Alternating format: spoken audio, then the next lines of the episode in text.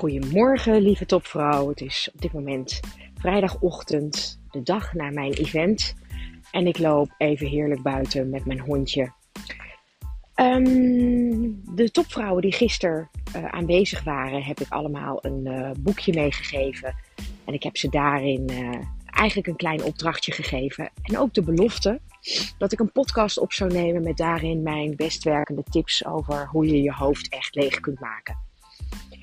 Um, dus bij deze uh, een podcast uh, speciaal voor hen, maar uiteraard, lieve topvrouw, als jij gisteren niet aanwezig kon zijn bij het event, deel ik dit ook met jou. Ik ben benieuwd wat je ervan vindt. Laat het me vooral weten.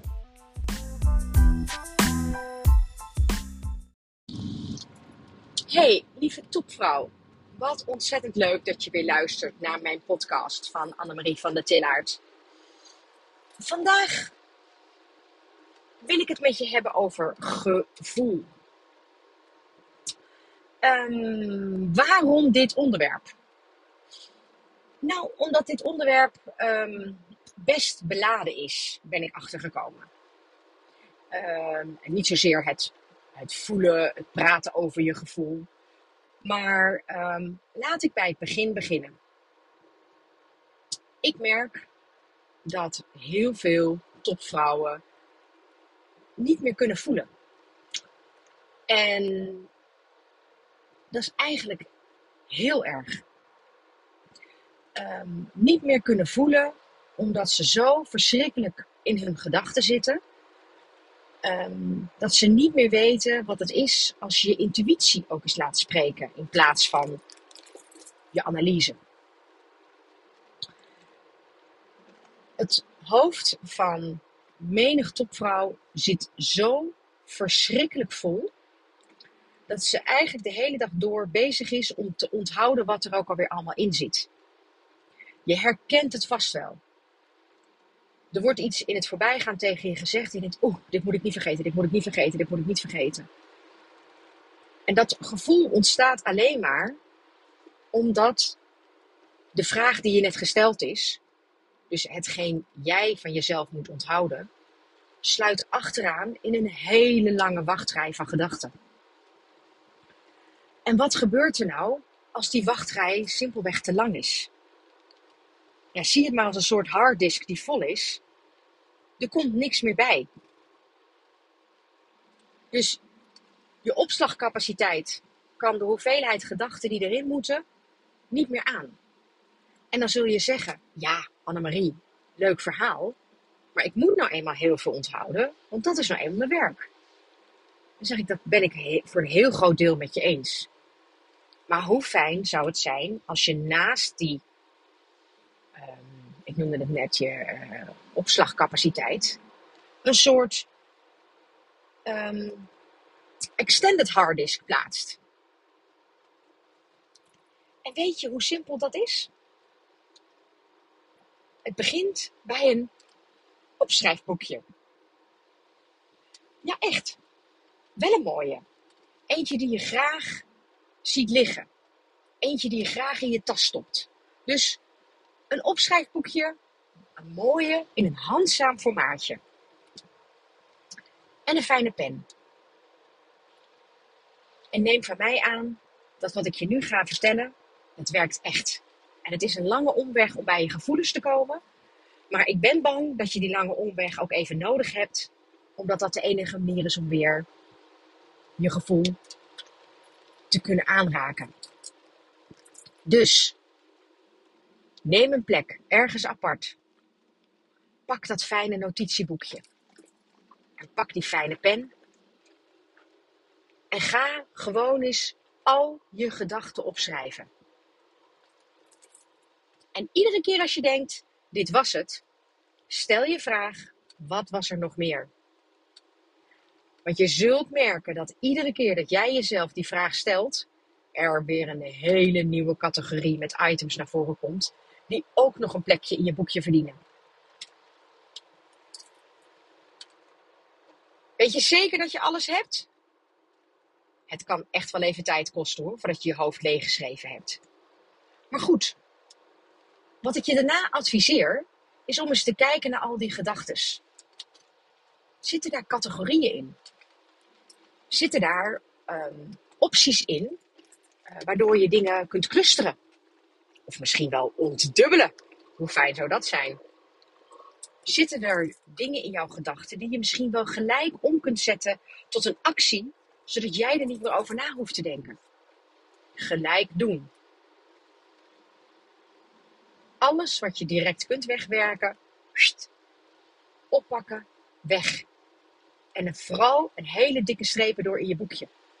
Want een dikke streep in je boekje is een dikke streep door je extended harddisk en zorgt voor ruimte in je gewone reguliere opslagcapaciteit. Jouw kopie. En dan zul je zien dat je een aantal punten, gedachten, onderwerpen overhoudt. Die niet direct aan een actie te koppelen zijn. Of die je niet hebt kunnen ontdubbelen. Maar je houdt een lijstje over. Je zegt ja, hier moet ik iets mee. Nou, en het fijne is, ik heb wel wat tips. Want je kunt jezelf prima een paar vragen stellen. 1. Is het iets waar ik vandaag wat mee moet? 2. Is het iets wat ik zelf kan beïnvloeden? 3. Is het iets wat ik verderop in de tijd misschien kan wegplannen? Doe deze slag nog eens even over je acties heen.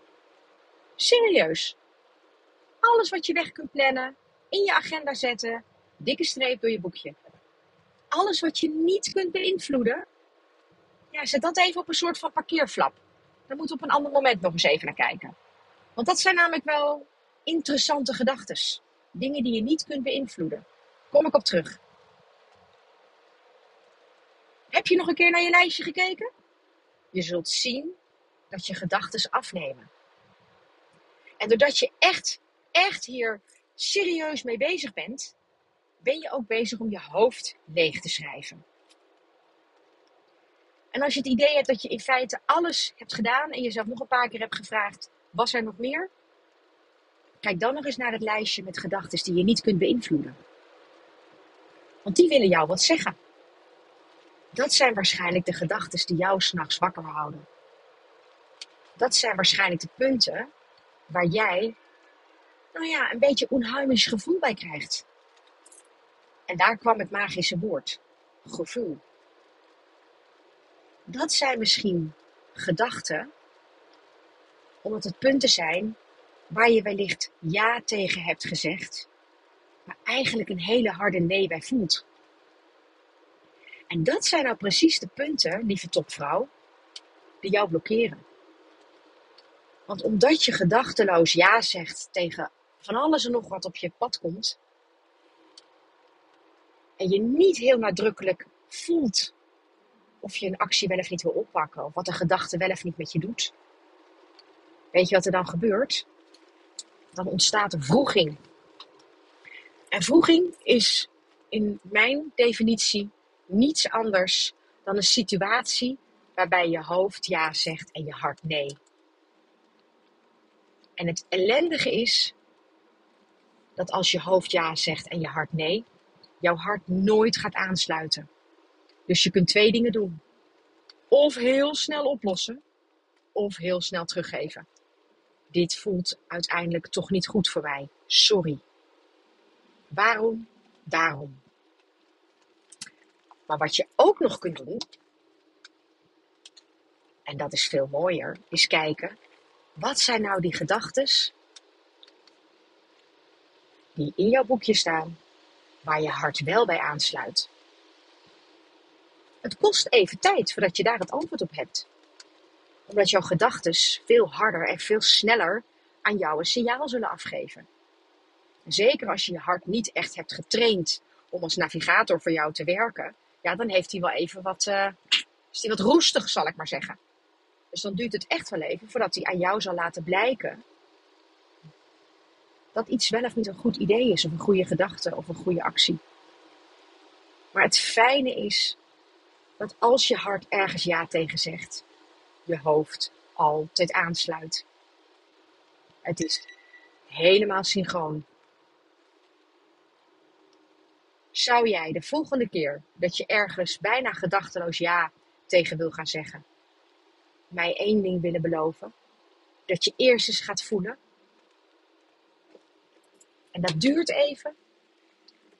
Dus vraag ook tijd als iemand jou een vraag stelt. Zeg, mag ik hier heel even over nadenken? Waarmee je eigenlijk bedoelt, mag ik heel even voelen of het wel bij me past? Ik ben heel benieuwd wat deze podcast jou voor inzichten geeft.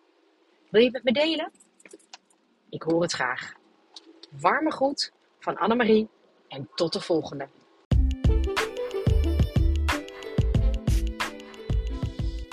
Heb je na het beluisteren van deze podcast ook zin om met mij eens in gesprek te gaan over het thema topvrouwen? Of heb je een onderwerp waar je mijn mening of mijn zienswijze graag uh, van wilt horen? Laat het me gerust weten.